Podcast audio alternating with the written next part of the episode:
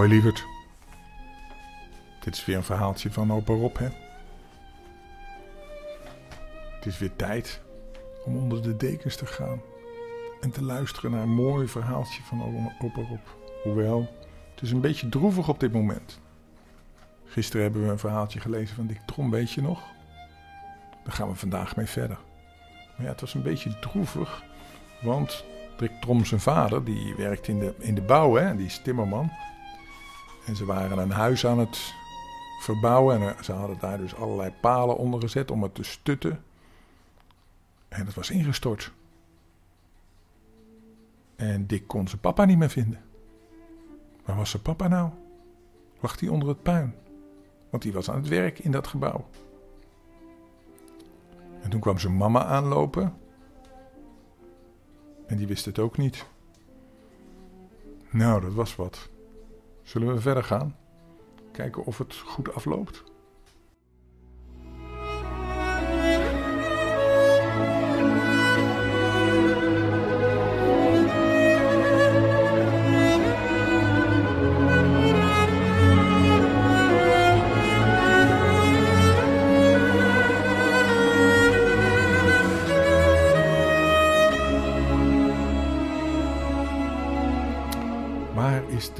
Van Dick? De moeder van Dick die kwam aanlopen en die vroeg: Dick, waar is je vader?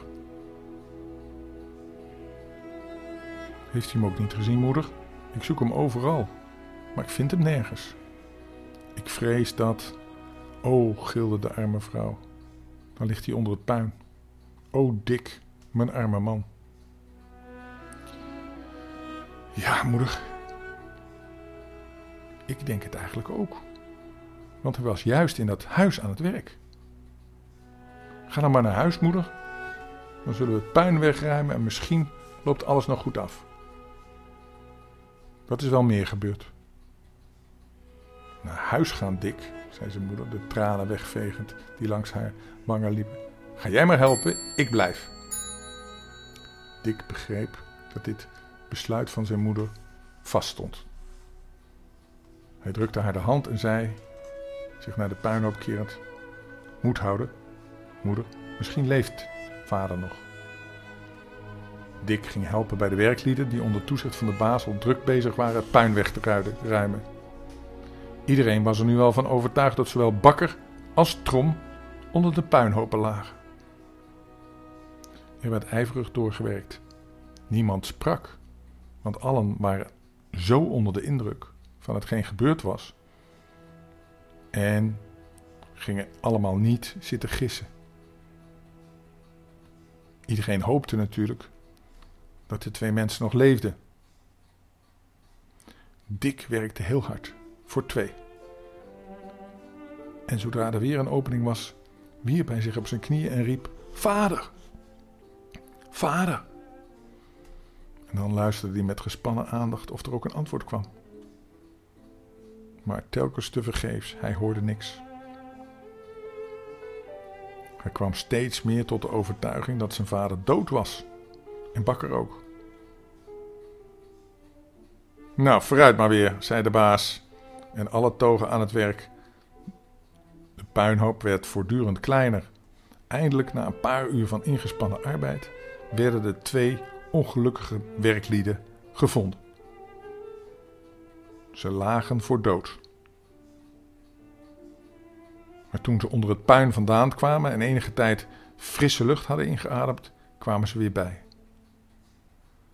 Bakker had een gebroken been en een gapende wond aan zijn hoofd. En hij werd naar zijn huis gedragen. Trom had een zware balk tegen zijn borst gekregen. De arme man had het erg benauwd en leed verschrikkelijk veel pijn. De mensen droegen hem op een kleed naar huis, waar de dokter hem dadelijk kwam behandelen. Dick en zijn moeder stonden bij het bed. Wat denkt u ervan, dokter? vroeg vrouw Trom angstig. Ik geloof niet dat er gevaar is voor zijn leven, maar. Maar ik vrees wel dat hij er last van blijft houden. Hij zal wel een beetje ziekelijk blijven. En zo was het ook. In tegenstelling met Bakker, die na enkele weken weer aan het werk kon, bleef Trom lange tijd aan het ziekbed gekluisterd. En toen hij eindelijk weer op mocht staan, was er niet veel meer van hem over dan een zwakke, uitgeteerde man, die niet meer in staat was zijn eigen brood te verdienen, voor hem en voor zijn gezin. Dat was wel een grote ramp.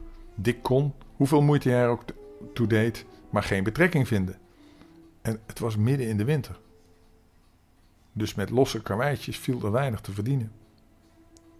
De betrekkelijke welvaart waarin Trom en de zijnen zich vroeger mochten verheugen, was verdwenen en had plaats gemaakt voor bittere armoede. Dat voelden ze des te sterker omdat ze er niet aan gewend waren. Ze hadden altijd geld genoeg gehad. En het leek wel of dat met de welvaart ook de vrolijkheid het huisje verlaten had. Dick was heel verdrietig. Hij voelde zich ongelukkig. Ook omdat hij nu niet het geld kon verdienen. Hij was een zwakke, hulpbehoevende sukkelaar geworden.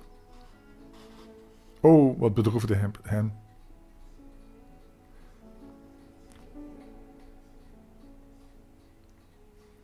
Papa kon niet meer zijn hamer en zijn bijtel hanteren zoals vroeger.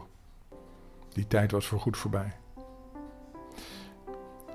Nimmer zou hij meer in staat zijn om zijn dagelijks brood te verdienen. En ook vrouw Trom ging diep onder het leed gebukt. De moeder van Dick. De vrolijke lach van vroeger, haar opgeruimdheid, haar gezellige toon. Ze waren verdwenen. De arme vrouw was neerslachtig en somber geworden. Het was een vreselijke ramp geweest. Ook Dick was niet meer zo vrolijk als vroeger. Het maakte hem verdrietig en stil om zijn ouders zo ongelukkig te zien. En het ging hem aan het hart om de blozende wangen van zijn lieve moeder bij de dag bleker te zien worden. Oh, wat verlangde hij haar nog eens te horen lachen, zoals vroeger. Maar helaas, het gebeurde niet.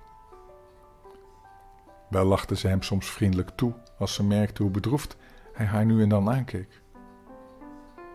Maar dat was het niet wat Dick wilde. Hij zou haar graag vrolijk en gelukkig willen zien. Als in de vroegere goede dagen. Maar de nood nam alleen maar toe.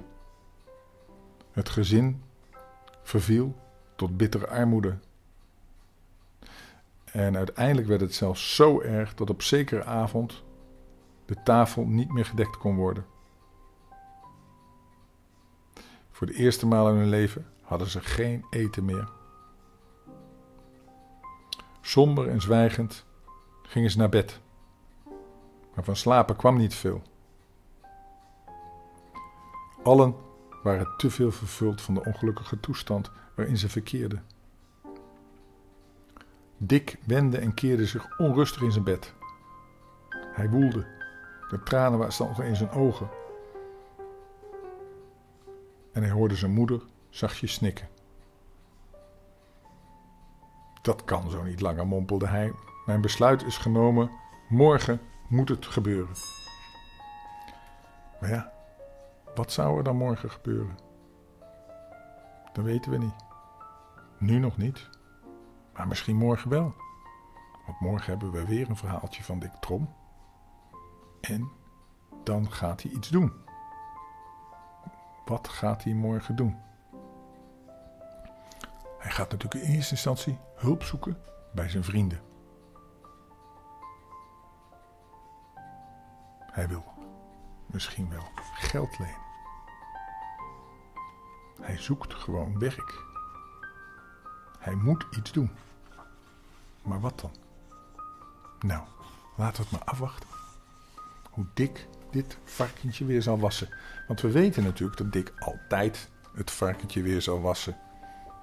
Dick is een vrolijke jongen. En uiteindelijk komt alles goed. Dat weten we toch. Dus laten we maar afwachten hoe Dick deze volgende episode weer helemaal goed zal maken. Nu is zijn vader weliswaar gehandicapt. En is er geen geld in huis.